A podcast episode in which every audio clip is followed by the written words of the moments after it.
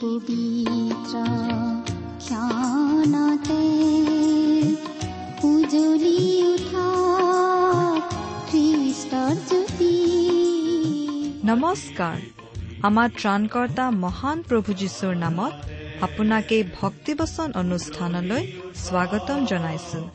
এয়া মুকলি কৰিছো ঈশ্বৰৰ জীৱিত বাক্যৰ ধাৰাবাহিক অনুষ্ঠান ভক্তিবচন।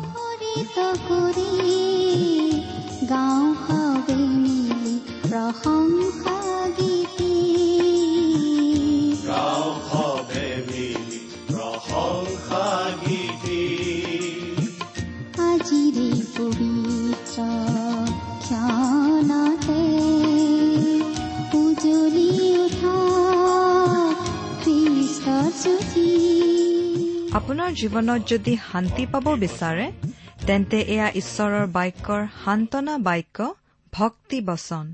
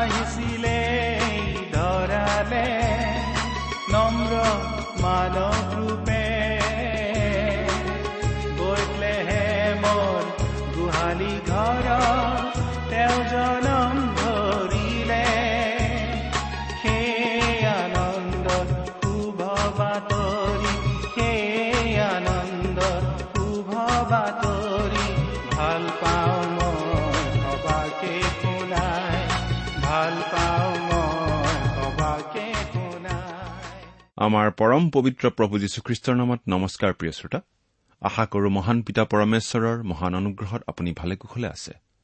লগতে এই বুলিও আশা কৰিছো যে আপুনি আমাৰ এই ভক্তিবচন অনুষ্ঠানটো নিয়মিতভাৱে শুনি আছে। প্ৰিয় শ্ৰোতা এই অনুষ্ঠান শুনি আপুনি কেনে পাইছে আমালৈ চিঠি লিখি জনাবচোন। আপোনালোকৰ পৰা চিঠি পত্ৰ পাবলৈ আমি আগ্ৰহেৰে বাট চাওঁ। আমাৰ যোগাযোগৰ ঠিকনাটো হয়তো আপোনাৰ মনত আছে তথাপি আকৌ এবাৰ কৈ দিছো। ভক্তিবচন টি ডাব্লিউ আৰ ইণ্ডিয়া ডাক বাকচ নম্বৰ সাত শূন্য গুৱাহাটী সাত আঠ এক শূন্য শূন্য এক। ঠিকনাটো আৰু এবাৰ কৈছো ভক্তিবচন টি ডাব্লিউ আৰ ইণ্ডিয়া। ডাক বাকচ নম্বৰ সাত শূন্য গুৱাহাটী সাত আঠ এক শূন্য শূন্য এক। আহকচোন আজিৰ বাইবেল অধ্যয়ন আৰম্ভ কৰাৰ আগতে খন্তেক প্ৰাৰ্থনাত মূৰ দুৱাওঁ। স্বৰ্গত থকা অসীম দয়ালু পিতৃ ঈশ্বৰ তোমাৰ মহান নামৰ ধন্যবাদ কৰো। তুমি মহান তুমি কৰুণাময় তুমি অনুগ্ৰহৰ আকৰ। তোমাৰ অনুগ্ৰহতেই আজি আমি প্ৰভু যীশুত বিশ্বাস কৰি পৰিত্ৰাণ পাব পৰা হৈছো তোমাক পিতৃ বুলি মাতিব পৰা হৈছো। তুমি আমালৈ যিমান অনুগ্ৰহ দেখুৱাইছা তাৰ বাবে তোমাক ধন্যবাদ দি আমি শেষ কৰিব নোৱাৰো। এতিয়া প্ৰাৰ্থনা কৰিছো তোমাৰ মহান বাক্য বাইবেল শাস্ত্ৰৰ যোগেৰে তুমি আমাক কথা কোৱা। তোমাৰ মাত আমাক শুনিবলৈ দিয়া। কিয়নো এই প্ৰাৰ্থনা আমাৰ মহান ত্ৰাণকৰ্তা প্ৰভু যীশুখ্ৰীষ্টৰ নামত আগবঢ়াইছো।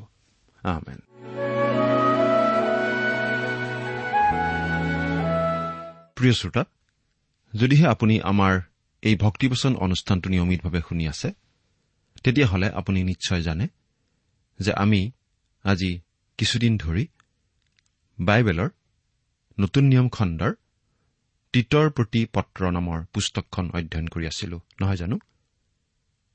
আপুনি আমাৰ যোৱা অনুষ্ঠানটো যদি শুনিছিল তেতিয়াহ'লে আপোনাৰ নিশ্চয় মনত আছে যে যোৱা অনুষ্ঠানত আমি এই তীতৰ প্ৰতি পত্ৰ নামৰ পুস্তকখনৰ দুই নম্বৰ অধ্যায়ৰ শেষৰটো পদলৈকে পঢ়ি আমাৰ আলোচনা আগবঢ়াইছিলো নহয়নে বাৰু?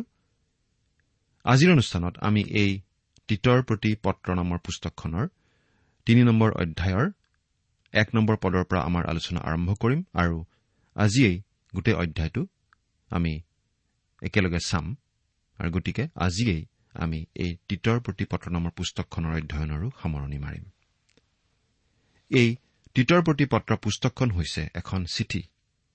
পাচনি পৌলে তীতলৈ লিখা এখন চিঠি।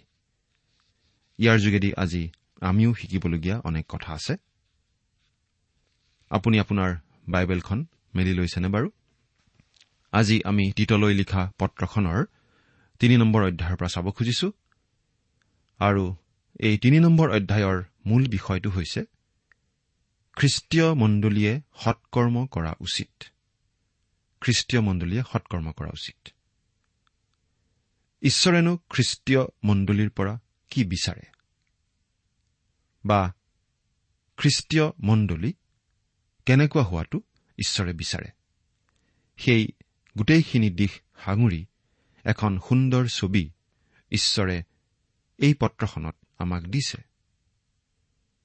এই তীতৰ প্ৰতি লিখা পত্ৰখনৰ প্ৰথমটো অধ্যায়ত আমি দেখিবলৈ পাইছিলো যে ঈশ্বৰে বিচাৰে যাতে খ্ৰীষ্টীয় মণ্ডলী সুসংগঠিত আৰু সুশৃংখল মণ্ডলী হয়।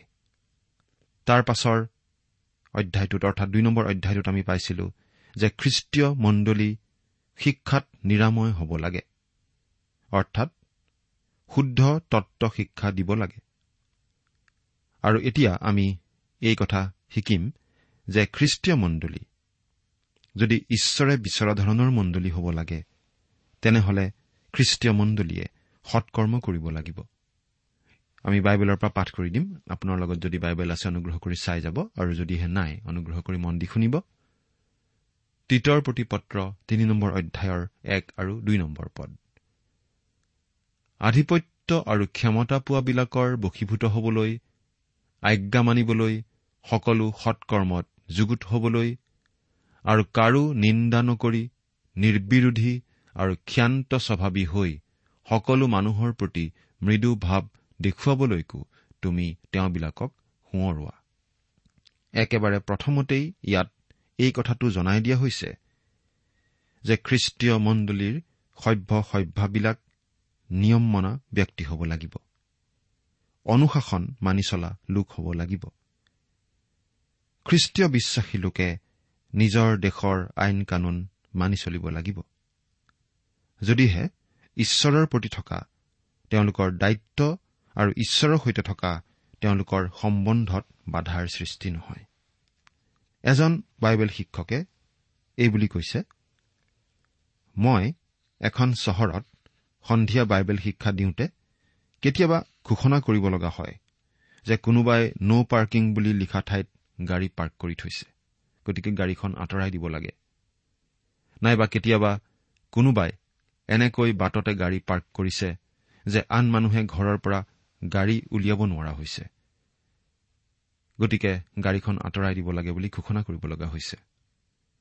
তেনেদৰে গাড়ী পাৰ্ক কৰা মানুহ মোৰ বাইবেল ক্লাছতেই বহি আছে। কিন্তু হয়তো এই কথাটোলৈ বেছি গুৰুত্ব দিয়া নাই যে খ্ৰীষ্টীয় বিশ্বাসীসকলে শাসনত থকাসকলক মানি চলিব লাগে দেশৰ আইন কানুন সমাজৰ নীতি নিয়ম মানি চলিব লাগে অনুশাসন মানি চলা লোক হ'ব লাগে। এইটো কথাৰ পৰাই এই প্ৰশ্নটো উঠে যে যেতিয়া দেশৰ আইন বা আন কোনো ব্যৱস্থাই খ্ৰীষ্টীয় বিশ্বাসীসকলৰ ঈশ্বৰৰ প্ৰতি থকা দায়িত্বত বাধাৰ সৃষ্টি কৰে। নাইবা ঈশ্বৰৰ সৈতে থকা সম্বন্ধত বাধাৰ সৃষ্টি কৰে। তেতিয়া কি কৰা উচিত?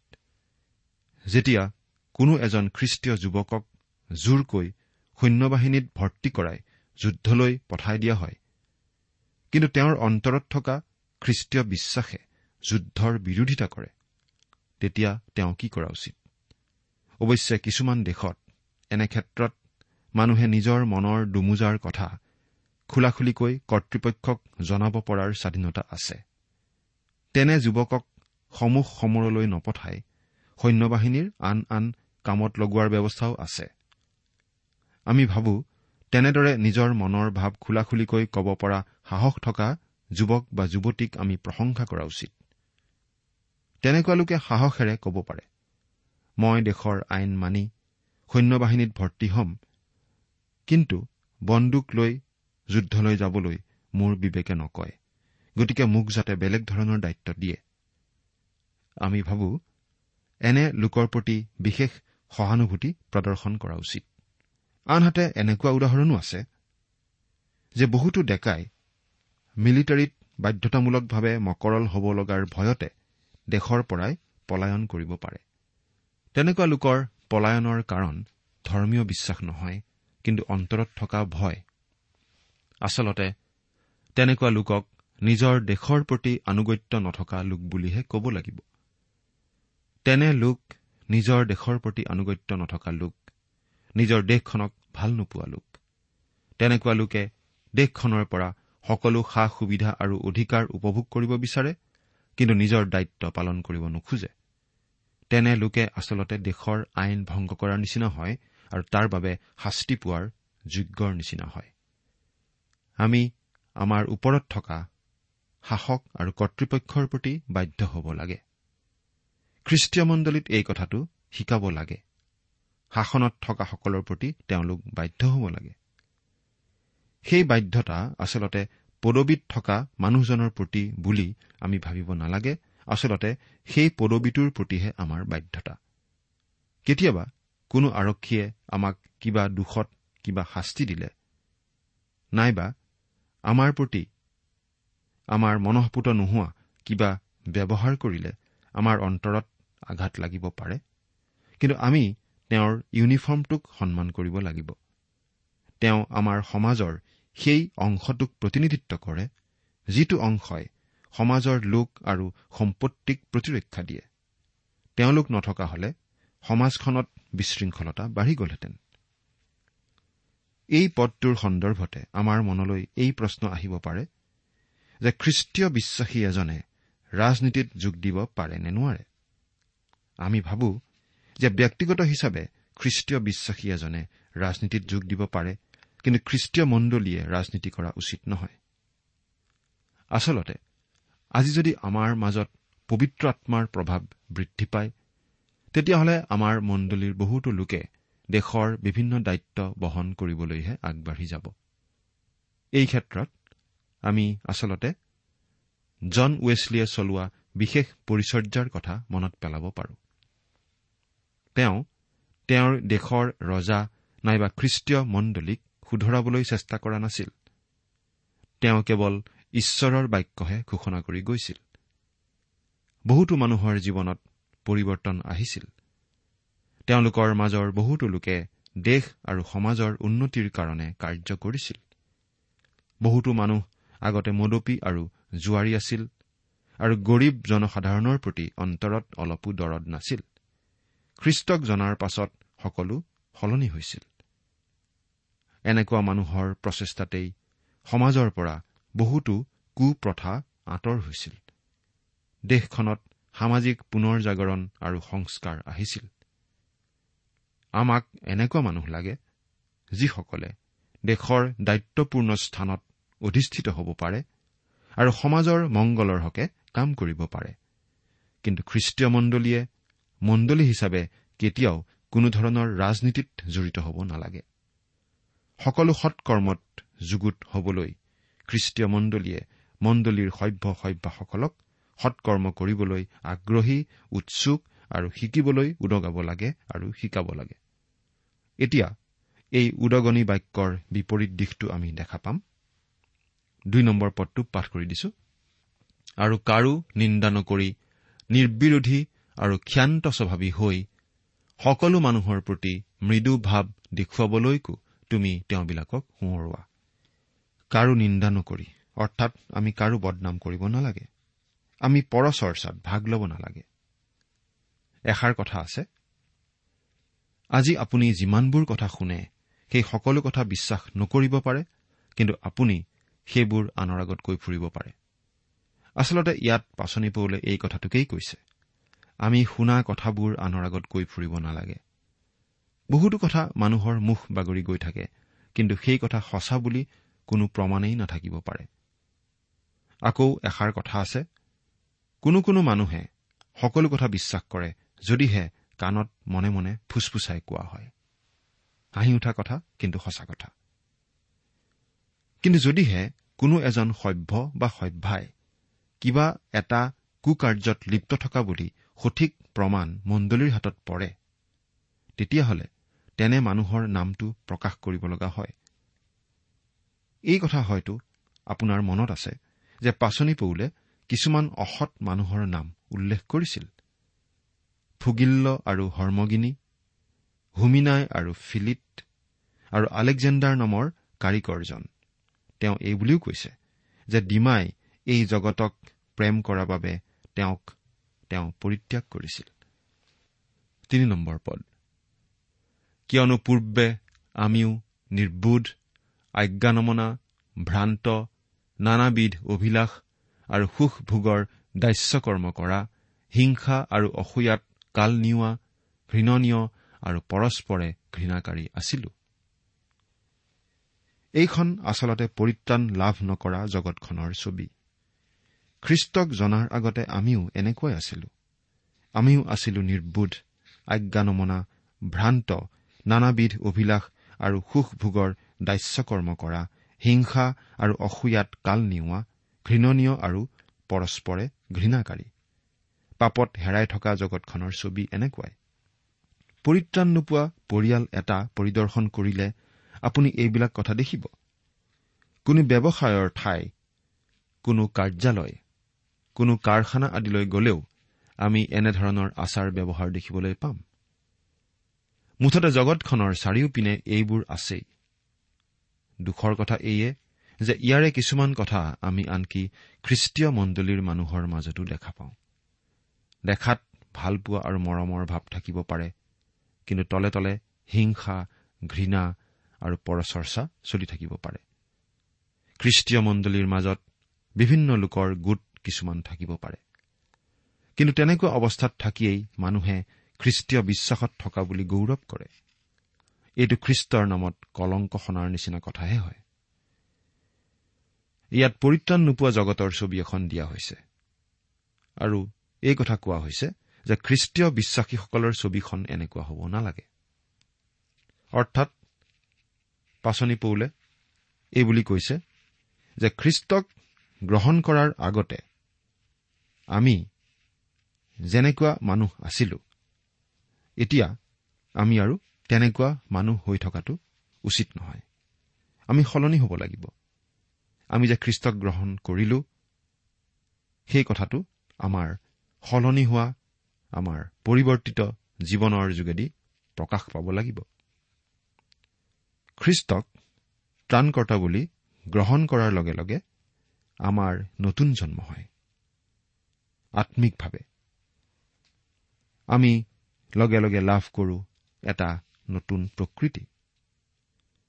এই নতুন প্ৰকৃতি আমাৰ পুৰণা প্ৰকৃতিটোতকৈ বেলেগ। সেইবাবেই খ্ৰীষ্টক গ্ৰহণ কৰা লোকৰ মাজত এটা আমূল পৰিৱৰ্তন ঘটে। আৰু দৈনন্দিন জীৱনতো সেই পৰিৱৰ্তন চকুত পৰা হয়। কিন্তু ইয়াত আমাৰো নিজৰ দায়িত্ব আছে। আমি যিমানেই ঈশ্বৰৰ প্ৰতি বাধ্য হৈ চলিম যিমানেই আমি ঈশ্বৰক আমাৰ জীৱনত কাৰ্য কৰিবলৈ দিম সিমানেই আমাৰ জীৱনত এই পৰিৱৰ্তনসমূহ বেছিকৈ প্ৰকাশ পায়। এতিয়া আমি পাঠ কৰি দিব খুজিছো। চাৰি নম্বৰ আৰু পাঁচ নম্বৰ পদ।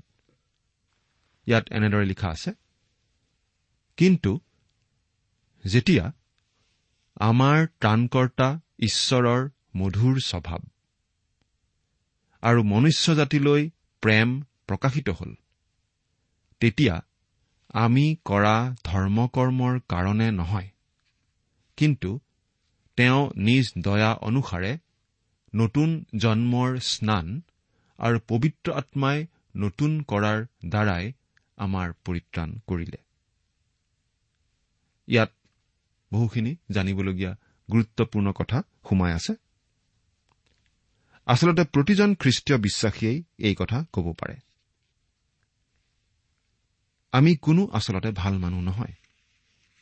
ঈশ্বৰৰ দৃষ্টিত আমি সকলোৱেই পাপী।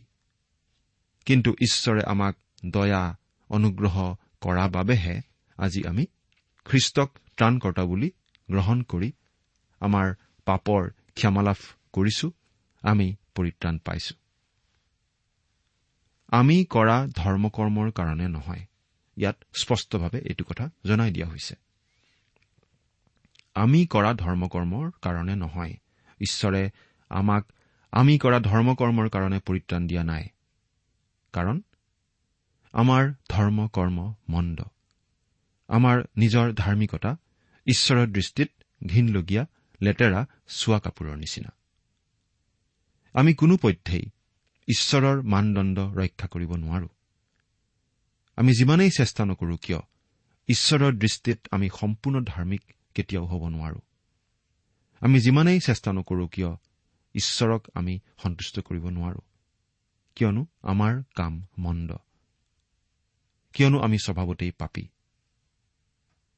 আৰু সেইবাবেই প্ৰভু যীশু আহিব লগা হ'ল এই জগতলৈ। আমাৰ হৈ ক্ৰুচত মৰি দিবলৈ। আমাৰ পাপৰ প্ৰায়চিত্ৰ কৰিবলৈ।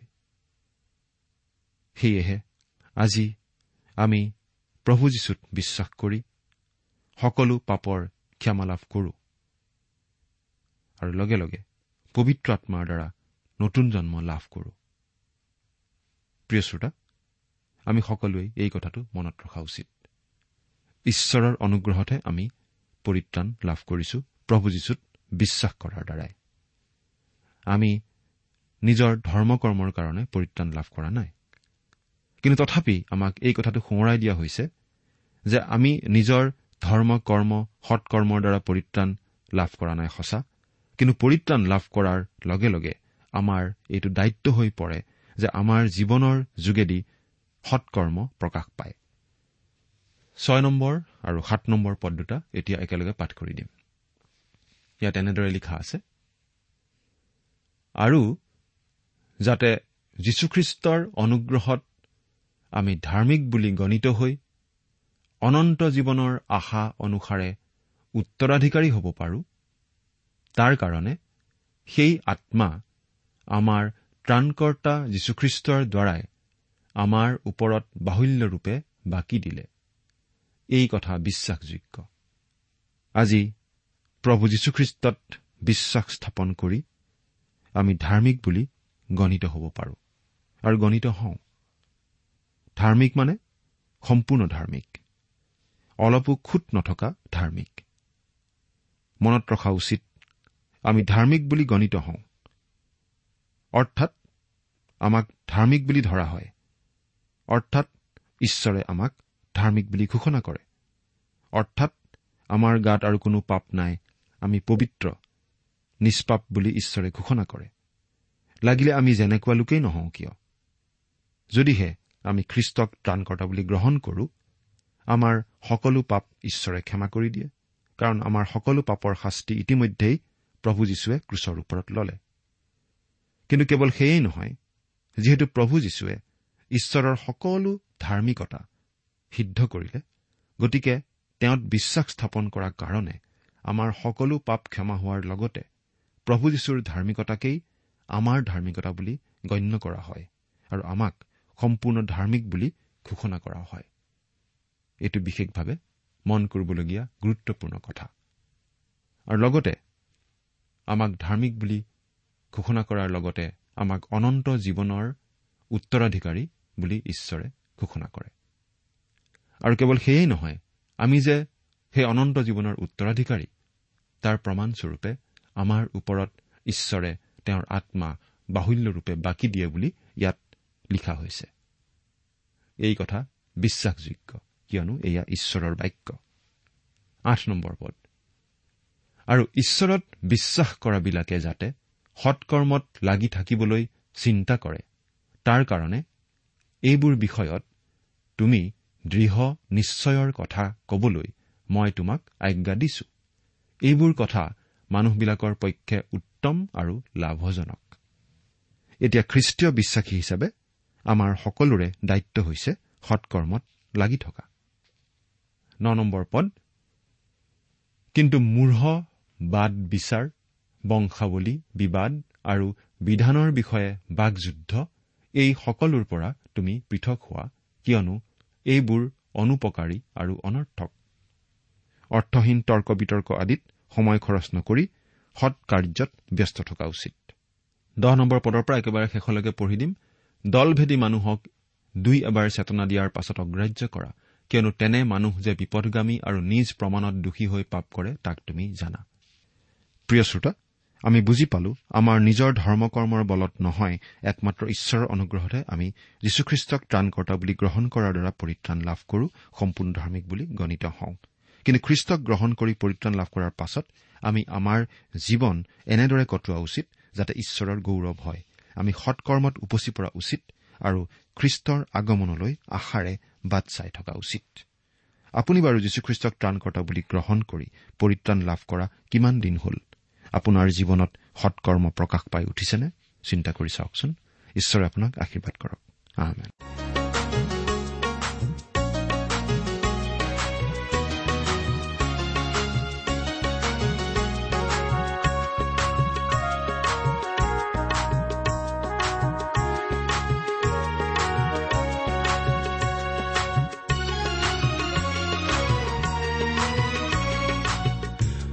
পাপৰ গধুৰ বুজাব।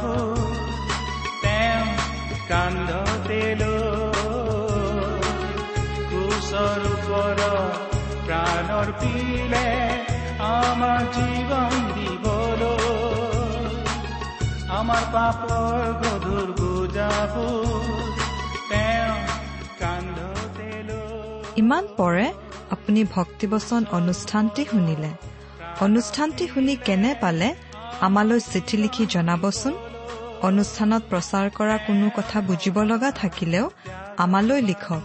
আমাৰ ঠিকনা ভক্তিবচন টি ডাব্লিউ আৰ ইণ্ডিয়া। ডাক পাকচ নম্বৰ সাত শূন্য গুৱাহাটী সাত আঠ এক শূন্য শূন্য এক। ঠিকনাটো আৰু এবাৰ কৈছো ভক্তিবচন টি ডাব্লিউ আৰ ইণ্ডিয়া। ডাক পাকচ নম্বৰ সাত শূন্য গুৱাহাটী সাত আঠ এক শূন্য শূন্য এক।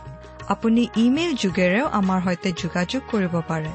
আমাৰ ইমেইল আইডিটো হৈছে Assamese T TV at radio' eight eight two dot com. আইডিটো আকৌ এবাৰ কৈছো। Assamese T TV at radio' eight eight two dot com. আপুনি টেলিফোনৰ মাধ্যমেৰেও আমাক যোগাযোগ কৰিব পাৰে। আমাৰ টেলিফোন নম্বৰটো হৈছে শূন্য তিনি ছয় এক দুই ছয় শূন্য চাৰি ছয় সাত এক। ফোন নম্বৰটো আকৌ এবাৰ কৈছো zero' three six one two six zero' four six seven one. আজিৰ অনুষ্ঠানটি ইমানতে সামৰিছো। ঈশ্বৰৰ শান্তি আৰু অনুগ্ৰহ আপোনাৰ লগত থাকক। ধন্যবাদ।